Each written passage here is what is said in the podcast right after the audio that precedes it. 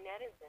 Please use your headphones for the clean sound. Thank you and enjoy the podcast and please shut the fuck up.